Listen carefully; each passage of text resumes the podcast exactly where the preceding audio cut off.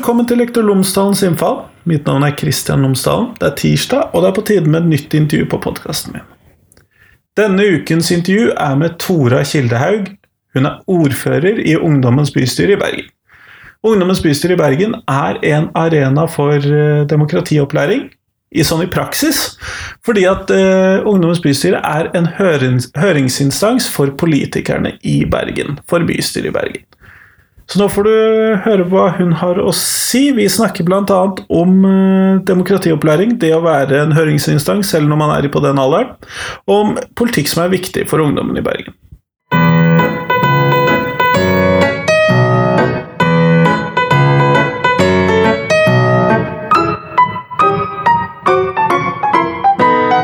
Tusen takk for at du har lyst til å komme og prate med meg, Tora. Tusen takk for at jeg fikk komme. Kunne du ha fortalt tre ting om deg selv til lytterne mine? Ja. eh, Jeg heter eh, Tora Hodneland Skildaug. Jeg er nyvalgt leder i eh, Ungdommens bystyre i Bergen. Eh, Jeg er 17 år gammel eh, og går på St. Paul gymnas.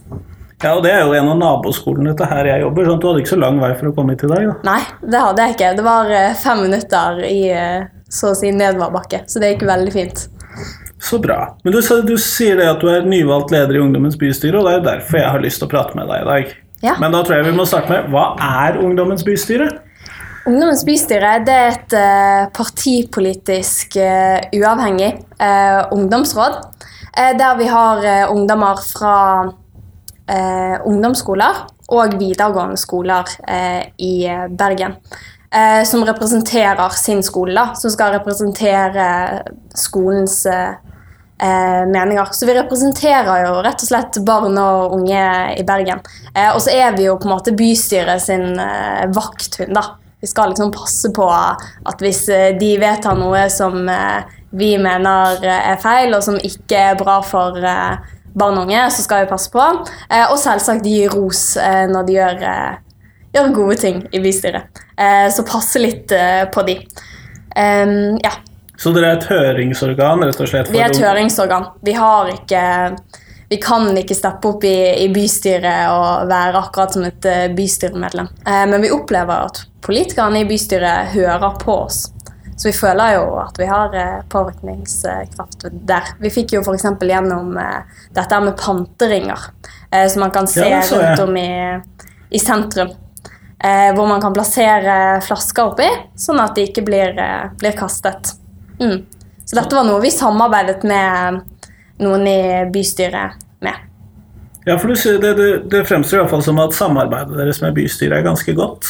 Ja, eh, det vil jeg si at det er. Eh, Og så må vi jo på en måte drive med litt sånn lobbyvirksomhet også. Eh, Vi må jo møte opp på komitémøtene når de har komitémøter og si at ja, dette har vi jobbet med i det siste. Og snakke med, med politikerne om det. Eh, Og da så vi jo f.eks. med panteringssaken at eh, det hadde noe for seg, rett og slett. Det å snakke med dem. Eh, Men eh, hvordan er det man faktisk blir valgt inn til Ungdommens bystyre? Man blir valgt inn ved at eh, alle elever kan, eh, kan stille, først og fremst. At man får på en måte at den, det er ofte den gamle eh, representanten, eller vi har tre politiske rådgivere i Ungdommens bystyre, eh, som ja, sender ut mail om at nå skal det være valg i Ungdommens eh, bystyre. Eh, og så de som har lyst til å være med, de som tenker at ah, dette høres ut som eh, noe for meg. Alle de politiske nerdene rundt omkring? altså. ja, man kan si det sånn. Ehm, de eh, møter opp. Eh, hvordan måte skolene velger å gjøre det, det er jo litt eh, opp til de om ja, de skal holde en appell foran hele skolen, eller at de bare holder en appell foran ja, de som har valgt å stille. Det er litt sånn ja. Men da skal det egentlig være sånn at hele, hele skolen stemmer over hvem de ønsker å få inn i, i ungdommens bystyre. Eh, Og så velger de en representant som eh, sitter eh, som er valgt for ett år. Eh, Og så er det jo sånn at jeg tror at det er to skoler. Det er Amalie Skram og Nordahl Grieg. Eh, De har to representanter. da. Ja, For de er så svære som det de er? Ja. Ehm, så vi prøver jo på en måte å arbeide mer og mer med denne valgprosessen da, i Ungdommens bystyre. At det skal bli så demokratisk som, eh, som det kan, eh, kan, bli. At det ikke bare skal bli valgt inn i elevrådsstyret. At det blir sånn at eh, elevrådsleder eh, møter opp, og de andre elevene er ikke informert om det. Ja, for Det var jo mitt neste spørsmål, om dette ikke bare ble elevrådslederne som dukket opp. Nei, sånn skal det ikke være. siden det sitter jo veldig mange elever rundt om på skoler i Bergen som har virkelig et engasjement, men det er kanskje ikke alltid de som ja, sitter i elevrådet, eller som roper eh, høyest, eller ja. Mm. Nei, det er jo ofte de elevene som blir valgt ut til elevrådet ja. og sånn. Mm. Eh, hvor lenge har Ungdommens bystyre eksistert i Bergen? Vet du det?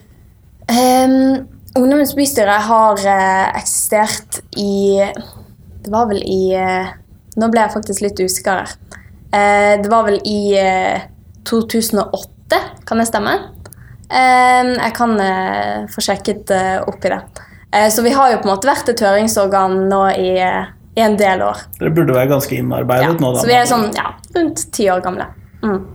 Men du har nevnt disse plastikkringene, og så har jeg jo sett at dere har vært aktive i forhold til fraværsgrensen og andre sånne typiske skolesaker. Men hva slags saker er dere typisk sett jobber med? Um, det er jo For å si det på en veldig sånn politisk måte, så er det jo saker som om, omhandler eh, barn og unge. Uh, vi er jo delt opp i tre komiteer. Komité for miljø og byutvikling, komité for kultur, uh, idrett og helse og komité for oppvekst og skole. Uh, og så velger alle representantene hvilke komité de ønsker å, å sitte i. Er det noen komiteer som er mer populære enn andre da, eller er det eh, Ja, altså før så var det jo eh, komité for oppvekst og skole som var mest eh, populær. Men nå har det vært eh, komité for miljø og byutvikling som har eh, vært eh, veldig populær i det siste. Så det varierer egentlig, egentlig litt. og så har vi jo sånn seminar på begynnelsen av året eh, hvor vi forteller om disse ulike komiteene. Eh, så det handler også litt om eh, hvem som står og forteller om komiteene. Hvis det er noen som sier at eh, ah, KMB er den beste komiteen, så er det ofte sånn at uh, mange velger den. Eh, men så er det også mulig å skifte på, ja, i begynnelsen av året. da. Som leder, er du utenfor komitésystemet, eller sitter du også i en komité? Jeg sitter også i en uh, komité. Jeg satt i fjor i komité for miljø og byutvikling, men nå har jeg gått over i komité for uh, oppvekst og skole. Eh, så det er jo litt, eh, litt, annerledes. Det å Før når jeg jobbet med ja, panteringer og landstrøm og sånne ting. Mens nå har det blitt eh, f.eks. undervisningsevaluering, bedre seksualundervisning, sånne ting. Ja, for der vant jo, Jeg vet ikke hvordan vi skal trekke grensene mellom ungdomspartiene og Ungdommens bystyre helt. Mm. For det er vel kanskje litt glidende overgang tidvis der. Men uh, der vant jo i hvert fall ungdomspartiene en ganske god seier i Bergen kommune. Mm. De gjorde det. Så, så det vi ble jo, ble jo, veldig glad når vi, når vi leste det. Um, så det er virkelig, virkelig bra. Uh, og det er jo da vi føler at uh, det vi jobber for, virkelig betyr noe. da. At nå får vi gjennomslag. Og sånn er det jo ellers i, i politikken. Eh, men jeg kan jo innrømme at det føles av og til litt eh, vanskelig når vi sitter og skriver uttalelser eh, til langt på, på kveld og ringer rundt til politikere og opplever at ok, kommer vi noen gang i mål med denne saken? Eh, og når vi endelig gjør det, eh, så altså, det er jo ikke en følelse som er bedre enn det. Rett og slett. Nei, og det skjønner jeg jo, og det kjenner jeg jo selv på når mm. jeg jobber politisk. sånn at uh, det kan jeg forstå veldig godt. Det er jo kanskje litt lettere å pitche saker inn til ungdomspartiene enn inn til moderpartiene, eller merker du ikke noen forskjell der?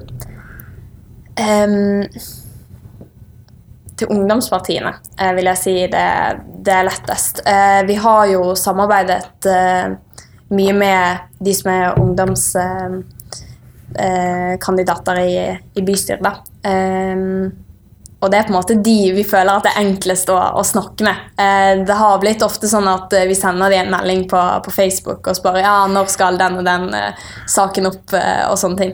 Eh, og det hadde vi kanskje ikke helt turt da, med de som eh, har sittet lenger i, i, bystyret. Ja, det kan jo være ganske skummelt å gjøre det opp mot sånn, hva skal vi kalle det, etablerte og kjente politikere. Ja, rett og slett. Mm. og du har jo nå, du har sittet der nå i to år.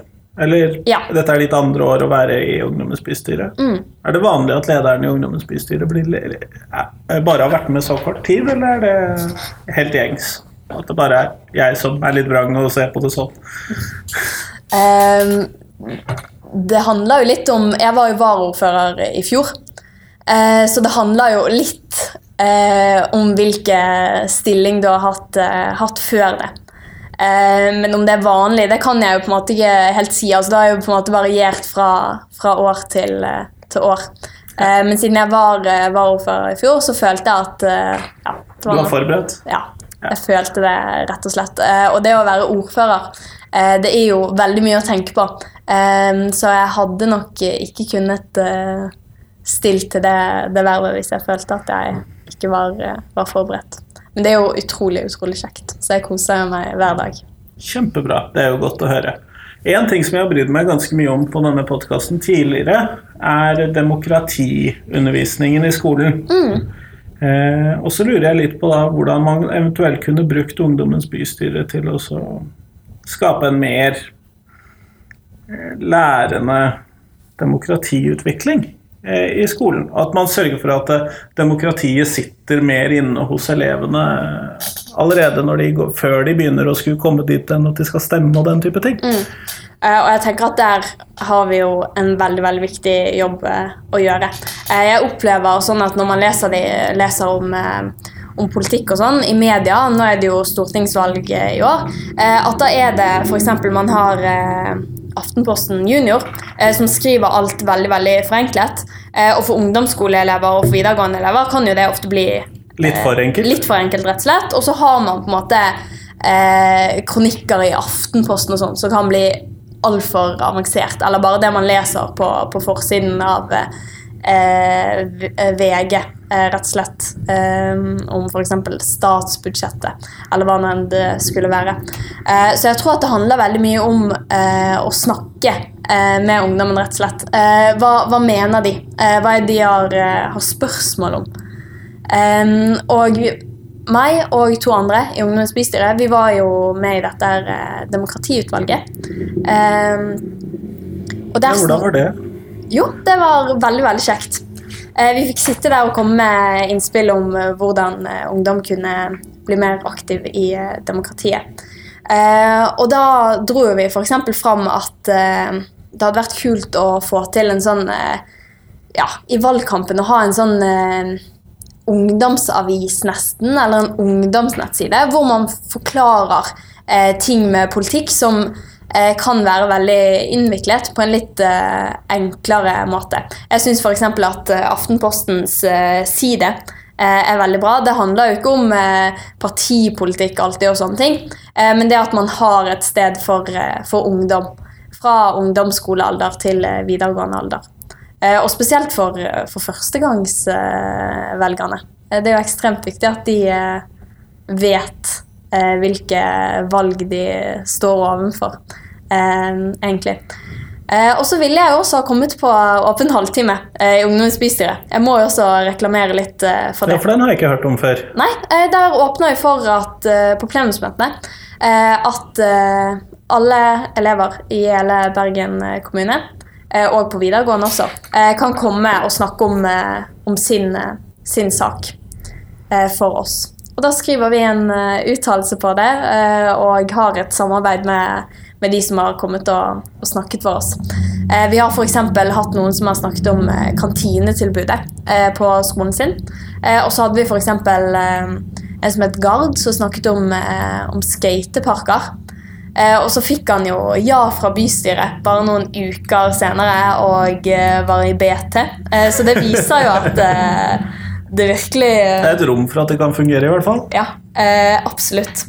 Eh, men det trenger jo ikke å være sånne kjempestore ting og noe kjempekomplekst. Man kan bare komme og snakke om eh, rett og slett om at eh, kantinetilbudet på, på skolen er for dårlig. Så det er åpent for alle.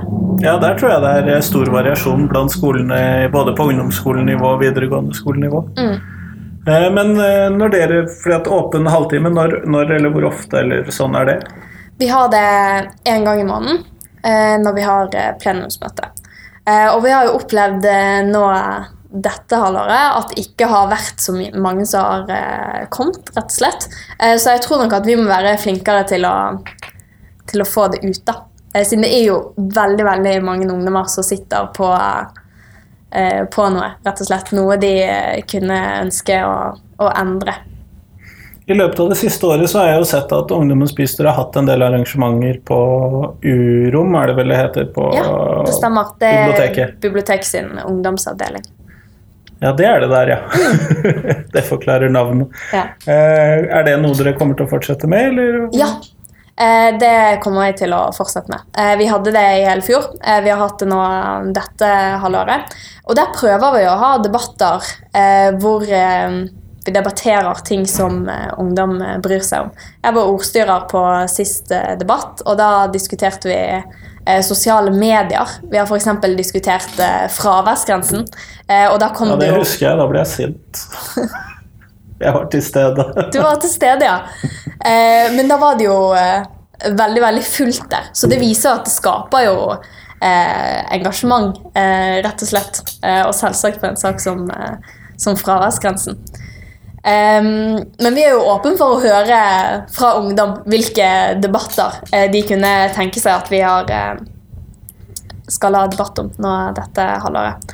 Uh, og siden det er um, stortingsvalg dette året, så har vi jo tenkt at nå etter sommeren så hadde det vært kult å få til en slags valgvake eller ha en debatt rundt valget for ungdom. da. Og da kommer igjen dette jeg snakket om i sted, om å gjøre det enklere for ungdom å, å forstå. Rett og slett.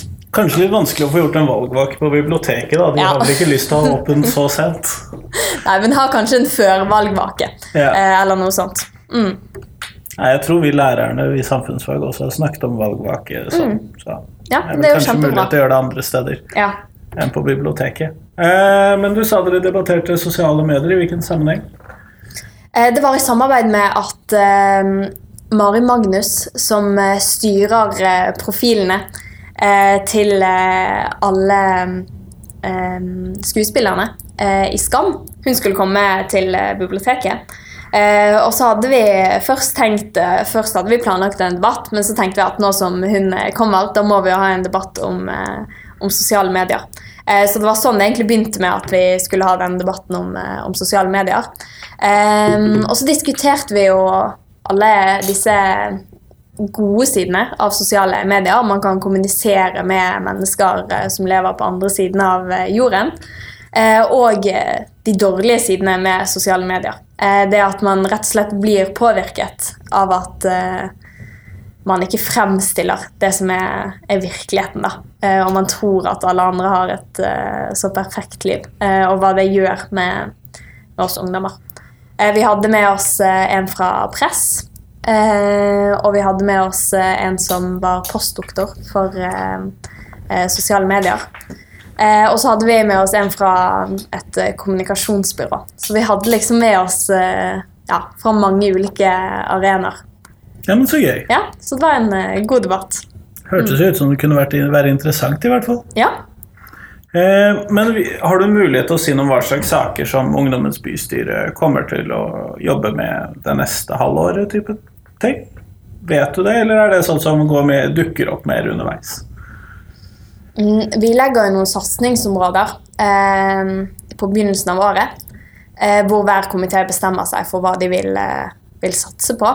Eh, men det kommer til å bli mye, mye innenfor eh, skole. F.eks. dette med seksualundervisning. Vi kommer til å fortsette, fortsette med, med det. Ja, hva tenker dere at må gjøres der? Vi tenker at eh, seksualundervisningen må bli mye bedre. Eh, altså, man kan ikke ha den samme undervisningen som man hadde for, eh, for ti år siden, eller for fem år siden. Eh, fordi at eh, det utvikler seg hele tiden. Eh, for eksempel i forhold til dette med, med media. Eh, spredning av nakenbilder, eh, for. Eh, sånne ting.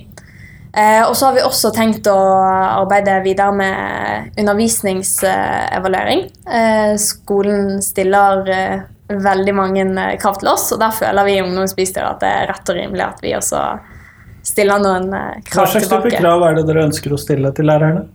Altså, vi ønsker jo å eh, Selvsagt så finnes det jo veldig mange lærere som er, er veldig gode. Ja, nei, jeg, jeg tviler ikke på at dere mener det. Jeg bare lurer på Nei. hva slags type Ja, krav dere eh, Det er jo for å, for å si, si noe om de lærerne som ikke er så eh, fullt gode. Eh, F.eks. Eh, at det ikke blir brukt nok eh, f.eks. IKT i undervisningen. At elevene ønsker eh, dette, f.eks. Og det er jo bare en eh, tilbakemelding på hvordan undervisningen er. Både positivt eh, og negativt, rett og slett. Ja, nei, Det er jo mye man må se på. Det er jo bra for oss lærerne at det kommer tilbakemeldinger til oss òg. Ja. Eh, og det er jo positivt selvfølgelig at man gjør det i litt ordnede former. Eh, sånn at det syns jeg bare er positivt. Ja. Jeg lurer litt, for det var litt sånn ja, Hvilke områder er det dere da kunne tenke dere å se på sånn, i evalueringen? Det vi også har arbeidet med, eh, litt i, i samarbeid med dette, eh, det er jo at eh, IKT-kompetansen eh, blant eh, lærere eh, Da har jeg snakket med ulike eh, elever fra ulike skoler i Ungdommens bystyre, eh, at vi har noen som eh, aldri bruker PC i timene noen gang, og så har vi de som bruker smartboard hver eneste time. At vi også har tenkt å ja, vurdere litt på det. da. At det skal på en måte ikke være sånn at når man kommer på, på videregående, så er det noen som eh, nesten aldri har brukt PC før, og så har vi noen som eh, kan absolutt alt. For Ja, eksempel det. Og digitale ferdigheter er jo en av de grunnleggende ferdighetene, sånn at det må jo Mm.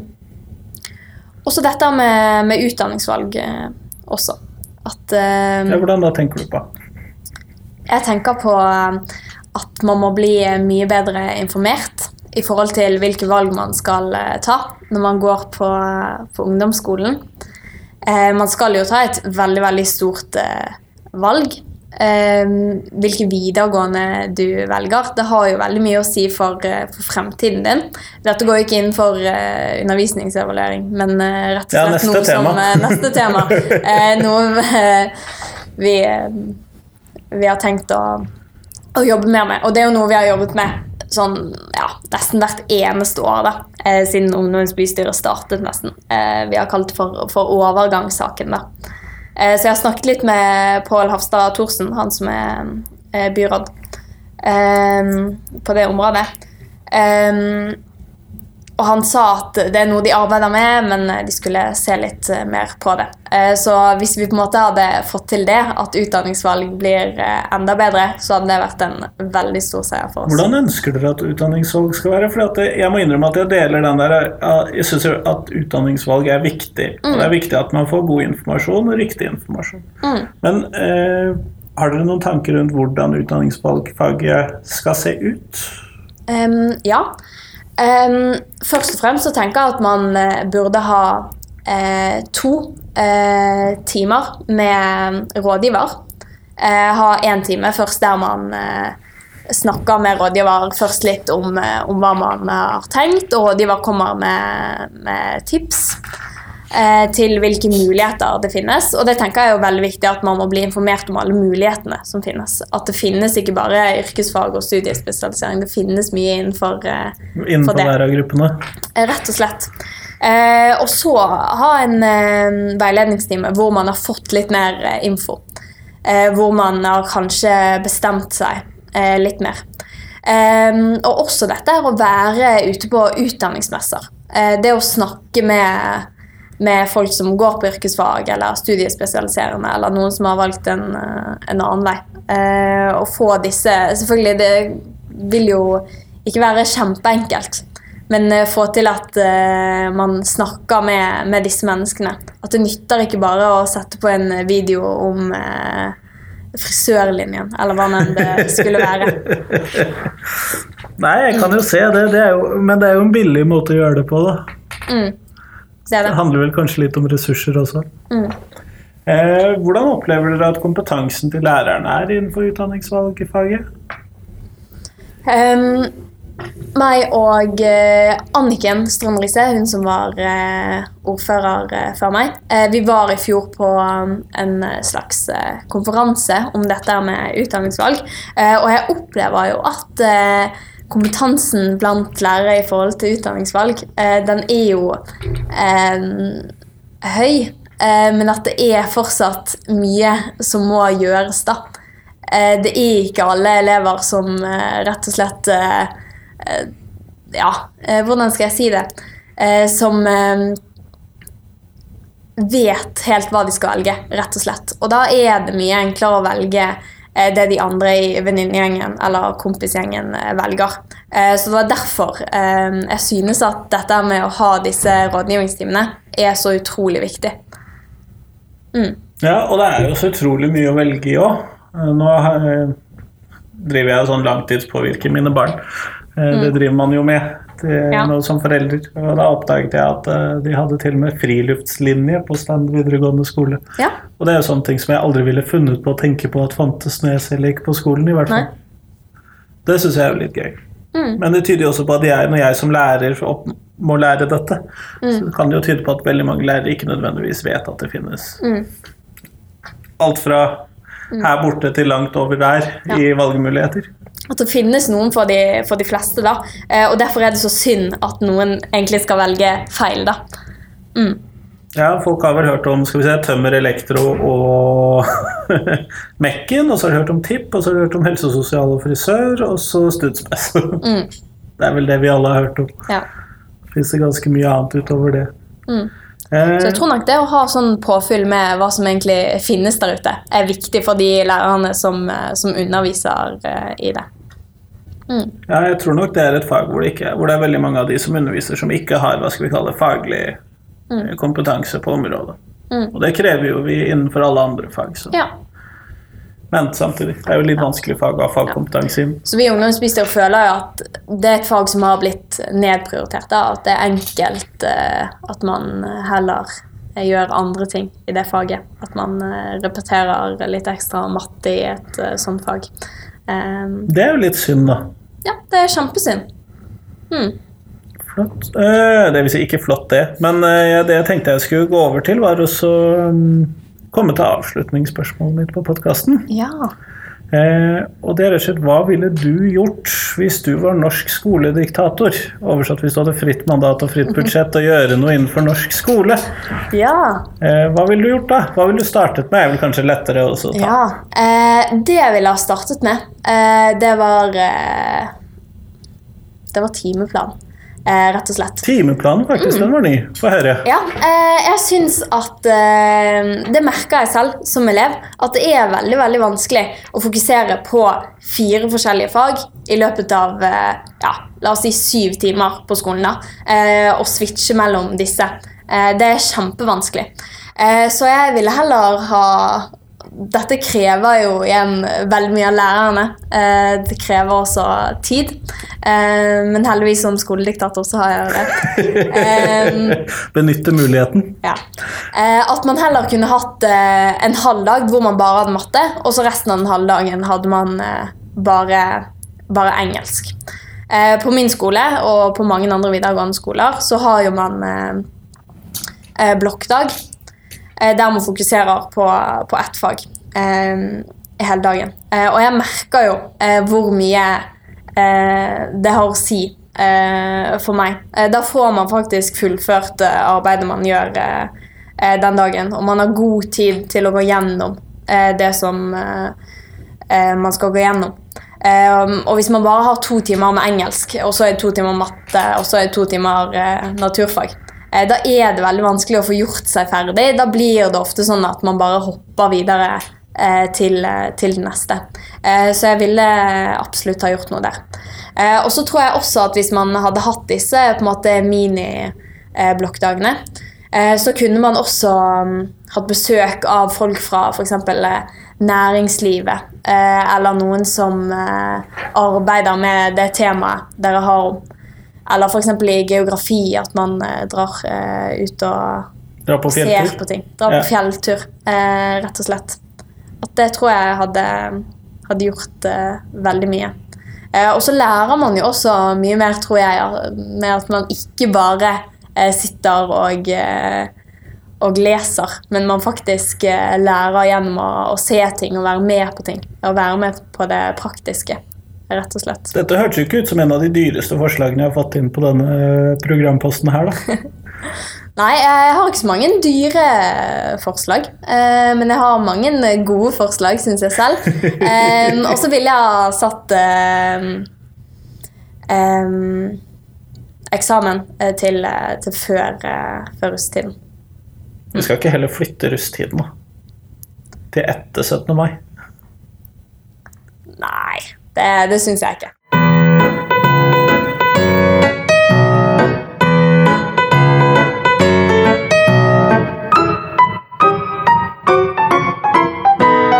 Tusen takk til Tora, og tusen takk til deg som hørte på.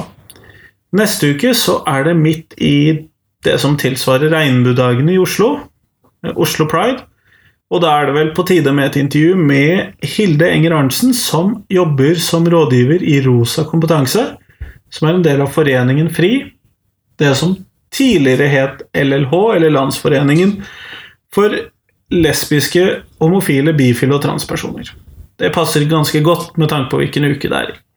Så da får dere høre om det arbeidet som Rosa kompetanse, og spesielt Rosa skole, gjør innom mot skolen. Fram til neste gang så kan du like podkasten på Facebook, du kan gi den en stjernemarkering i iTunes, kanskje følge den eller abonnere i iTunes. Du kan eh, like podkasten på Soundcloud, eller du kan dele podkasten med en venn som du tror vil like denne podkasten.